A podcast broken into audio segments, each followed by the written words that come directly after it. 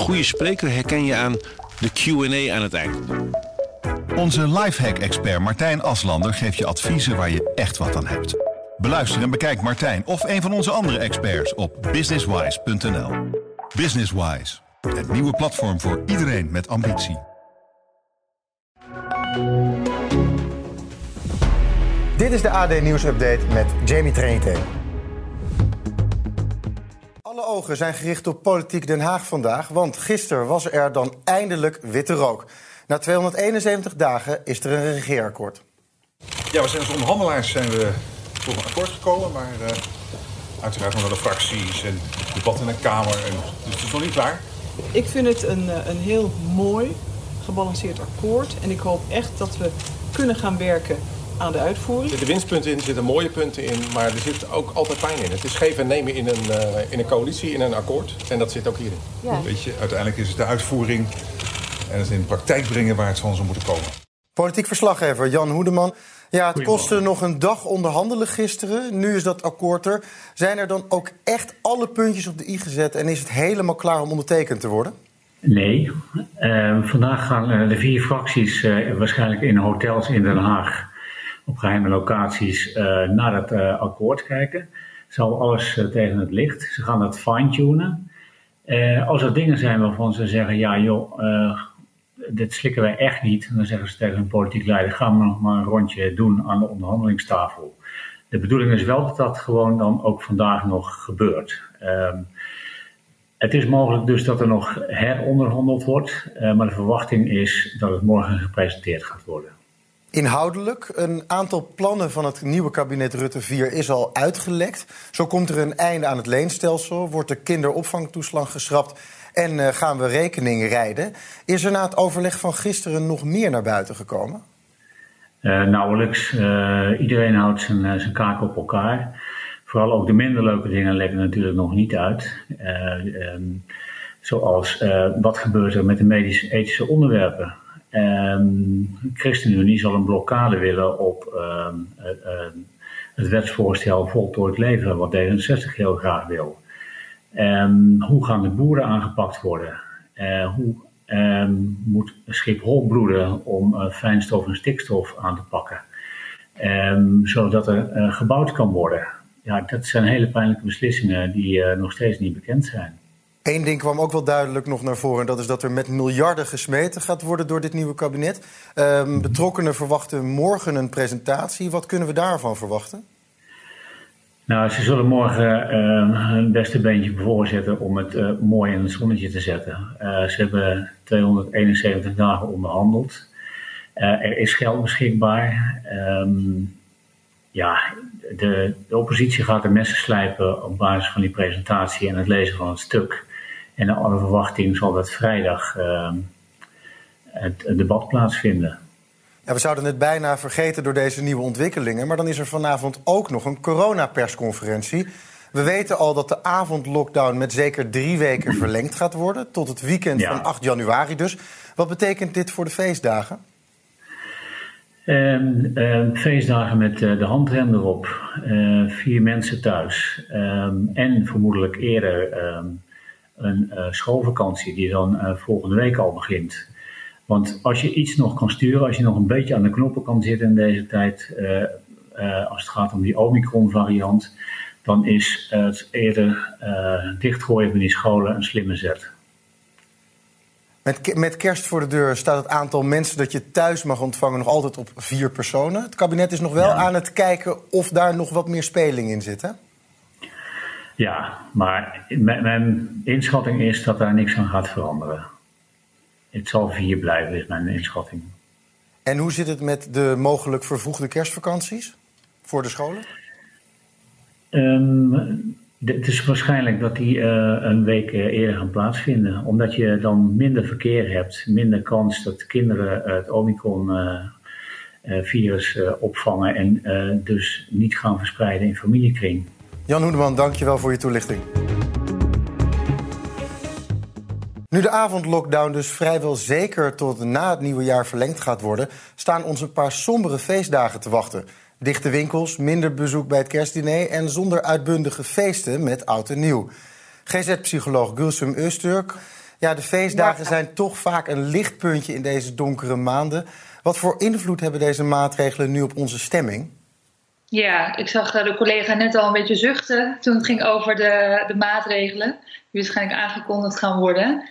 Uh, ja, heeft zeker, kan zeker invloed hebben op je stemming. Uh, ik hoop dat een aantal mensen zich er wel een beetje op in hebben gericht, van, op, hebben ingesteld van, oh ja, dit kan gaan gebeuren, deze verlenging. Ehm, maar nou, leuk is het niet. En helemaal als je de hoop hebt gehad op, op, op nou, een wat gezelliger, wat grotere uh, feest. Helaas, uh, dat is dus waarschijnlijk niet het geval. Nee. met hè, dat er al donkere dagen zijn waar veel mensen last van hebben. Sommige mensen kunnen zelfs last hebben van een winterdepressie in deze donkere dagen. is dit natuurlijk geen goed nieuws. Maar hoe kunnen we er nou voor zorgen dat het nu toch wel mooie feestdagen worden, ondanks deze beperkingen? Ja, het is echt heel erg belangrijk uh, om te kijken naar wat, waar heb je wel invloed op. En je daar zoveel mogelijk op te richten. Uh, ik zie al een heel mooi plaatje voorbij komen. Het gaat toch om in deze periode om verbinding, om samen zijn. En vooral je op dat element te richten. Al is het met minder mensen, er toch het beste van te maken. En het, uh, nou, je vooral dus te richten op hey, wat is er wel mogelijk, wat kunnen we doen. Um, en je niet te, ja, te neerslachtig te laten maken door het nieuws. Probeer ook niet al te veel te volgen. Hè. Alle achtergrondrubrieken richt je op de headlines als je er gevoelig voor bent. Uh, en richt je vooral op hey, waar heb ik wel invloed op. GZ-psycholoog Gulsum Eusturk, dankjewel voor je toelichting. Driekwart van de kankerpatiënten in ons land gaat er financieel op achteruit door hun ziekte. Doordat ze bijvoorbeeld hun baan verliezen en hogere kosten hebben. Dit blijkt uit onderzoek van de Nederlandse Federatie van Kankerpatiëntenorganisaties. De 29-jarige Maud Gossink is een van de patiënten die financiële tegenslagen ervaart door haar ziekte. Maud, jij kreeg namelijk vier jaar geleden te horen dat je kanker hebt. Dat is ontzettend heftig, zeker op jouw leeftijd. Hoe ging jij er na deze diagnose er financieel op achteruit? Nou, op het moment dat ik de diagnose kreeg, studeerde ik nog. Uh, ik liep stage en ik begon eigenlijk met afstuderen. Uh, dus op dat moment leende ik eigenlijk bij. Uh, maar ik wist dat ik op een gegeven moment een stamceltransplantatie zou krijgen. Dus ik ben voor die tijd afgestudeerd. Um, en na die tijd uh, heb ik een jaar lang thuis gezeten. Kreeg ik eigenlijk niks binnen, want ik kwam ook nergens voor een aanmerking, omdat ik op dat moment natuurlijk student was. Dus ik heb geen arbeidsverleden. Uh, dus sinds kort werk ik voor mezelf. En dat is eigenlijk mijn enige inkomstenbron nu eigenlijk. Een beetje op mijn eigen tempo eigenlijk. En naast dat je dan ziek bent, wat natuurlijk de hoofdzaak is, heb je dan ook nog eens een keer een financieel minder plaatje. Welke gevolgen brengt dat met zich mee in je dagelijks leven? Nou, je hebt sowieso een stuk minder vrijheid. Um, deels omdat ik natuurlijk heel veel zorgen heb over kosten die ik maak, omdat ik financieel natuurlijk niet helemaal zelfstandig ben. Ik ben voornamelijk verantwoordelijk voor mijn vriend eigenlijk. Dus iedere koop die ik maak, moet ik met hem overleggen. Uh, dus mocht ik met vriendinnen wat leuks willen doen, dan moet het altijd eerst in overleg met hem eigenlijk. Ehm, dus het, ik, daardoor kan ik gewoon eigenlijk minder dingen doen die ik zou willen doen in het leven eigenlijk. En dat vind ik best wel pittig soms. Je zegt ik werk eh, voor mezelf sinds kort. Is er dan wel een potje voor jou om bijvoorbeeld hogere lasten te kunnen dragen? Nee. Nee, ja, ik val echt tussen wal en schip in dat opzicht qua, qua regels. Uh, omdat ik natuurlijk geen arbeidsverleden heb, krijg ik natuurlijk geen uitkering. En ik woon samen, dus ik krijg natuurlijk ook geen bijstand. Uh, dus alles wat ik verdien, moet dat echt vanuit mezelf komen eigenlijk. En hoe zou er nou gezorgd kunnen worden dat jij en, en andere kankerpatiënten en hun gezinnen naast deze verschrikkelijke ziekte niet deze financiële trap nog nakrijgen? Nou, wat ik op dat moment, toen ik voornamelijk net ziek werd, heel erg miste, is een soort instantie waar je heen kan die jou helpt. Um, dus waar je heen kan stappen en die voor jou regeltjes gaan uitzoeken, zodat jij zelf de zorgen niet hebt. Um, want er, is, er zijn echt best wel veel dingetjes volgens mij, maar heel veel dingen weten we niet. Mhm. Dus je bent natuurlijk zelf heel erg verantwoordelijk van jezelf en het aantal energie dat je hebt om iets te kunnen uitzoeken. En daarnaast, in mijn geval, miste ik gewoon eigenlijk een soort opstartpotje. Eigenlijk voor mensen die net afgestudeerd zijn. Uh, of een soort basisinkomen. Dat ik in ieder geval op een rustig tempo uh, verder kan zoeken eigenlijk naar werk. Dankjewel voor je verhaal.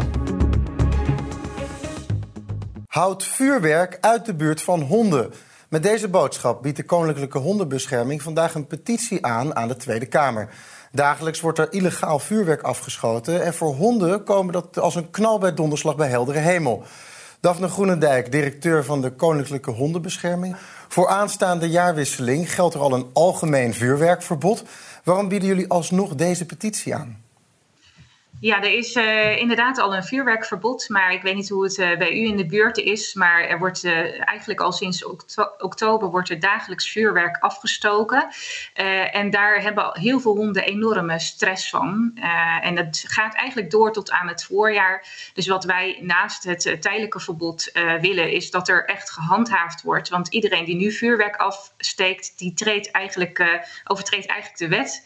En we willen gewoon dat dat, ja, dat verdwijnt. Dat er beter gehandhaafd wordt, uh, dat er boetes uitgedeeld worden, zodat dat gewoon echt verdwijnt uit het straatbeeld. Omdat er namelijk echt bizar veel uh, honden en andere huisdieren overigens uh, echt er extreem veel last van hebben. Ze krijgen stress. we, zijn, we krijgen meerdere meldingen per week over honden die kwijt zijn. Hè, die zijn gevlucht als gevolg van het schrikken van vuurwerk. Ze lopen onder een auto en overlijden of verdrinken in een sloot. ja, het zijn ontzettend verdrietige verhalen. Uh, en dat is allemaal niet nodig, want het is namelijk gewoon verboden. Dus eigenlijk is onze oproep: probeer ook dit dan ook te handhaven, zodat uh, de huisdieren daar niet het slachtoffer van worden. Ja, want concreet, om hoeveel honden die vuurwerkstress ervaren gaat het jaarlijks in Nederland? Nou er is een onderzoek geweest onder huisdiereigenaren en uh, ongeveer 65 procent uh, van de eigenaren zegt dat hun hond lijdt aan stress door het afsteken van vuurwerk. En als je dan bedenkt dat één op de vijf houdens, huishoudens inmiddels een hond heeft, dan gaat het echt om grote aantallen honden in Nederland. Ja, en daaronder zitten ook de zogenaamde assistentiehonden die hun werk dus niet meer kunnen doen. Kan je daar iets meer over vertellen? Ja, er zijn natuurlijk ook uh, steeds meer uh, worden honden ingezet uh, voor, met een hele belangrijke taak. Hè. Er zijn mensen die in de maatschappij anders niet goed mee kunnen komen. Die krijgen hulp van een assistentiehond. Dat is voor allerlei redenen eigenlijk. maar als zij, zij worden jaarlijks opgeleid. Hè. Dat zijn trainingen die wel twee tot drie jaar duren voordat zij eigenlijk klaar zijn om iemand te begeleiden. Dat zijn ontzettend kostbare trajecten. En je kan je voorstellen dat je dan helemaal blij bent met je assistentiehond en weer op straat kan of weer gewoon thuis kunt functioneren. En er wordt vuurwerk afgestoken en vervolgens kunnen zij niks meer. Zijn ze zo getraumatiseerd dat zij hun werk niet meer kunnen doen. Nou ja, dat is voor alle partijen echt afschuwelijk eigenlijk. De, voor, voor de persoon die de, uh, de hond als begeleiding heeft, voor de hond uiteraard uh, nog het ergst. dus ja, wij willen gewoon dat, dat, dat er echt veel, veel meer aandacht komt op dit moment. En toch nog eventjes uh, los van het handhaven van het vuurwerkverbod, dat dat wenselijk is. Hoe kan je er nou voor zorgen dat je honden minder bang maakt voor vuurwerk? Ja, er zijn allerlei mogelijkheden eigenlijk. Je ziet al dat uh, heel veel hondenscholen bieden al trainingen aan uh, van pup af aan. Dus je kan trainingen bij een hondenschool uh, volgen. er zijn ook veel gedragstherapeuten die hulp bieden. Zeker als de hond al getraumatiseerd is geraakt en al angstig is. Dan is het heel slim om daar bijvoorbeeld hulp bij, voor in te roepen. verder kan je zelf, als je thuis zit en er uh, wordt vuurwerk afgestoken buiten. Zorg ervoor dat de hond uh, uh, de ruimte heeft om naar een veilige plek in huis ja, te gaan. Dat je daar niet boos op wordt, maar laat hem zelf eigenlijk de plek opzoeken. En bied hem ook daarna, stel hem gerust. zorg voor wat afleiding. geef een speeltje waar hij op kan kauwen. En, en bied troost eigenlijk. Um, dus dat is, en zet ook bijvoorbeeld ander geluid in huis wat harder aan, zodat het eigenlijk ook het vuurwerk verbloemt. Dus zet de televisie of de radio wat harder aan, zodat ook dat eigenlijk het geluid van, van de knallen buiten wat overstemt. Dat zijn onder andere wat tips die we mee willen geven aan mensen die ja, honden willen voorbereiden. Daphne, dank je wel voor je toelichting.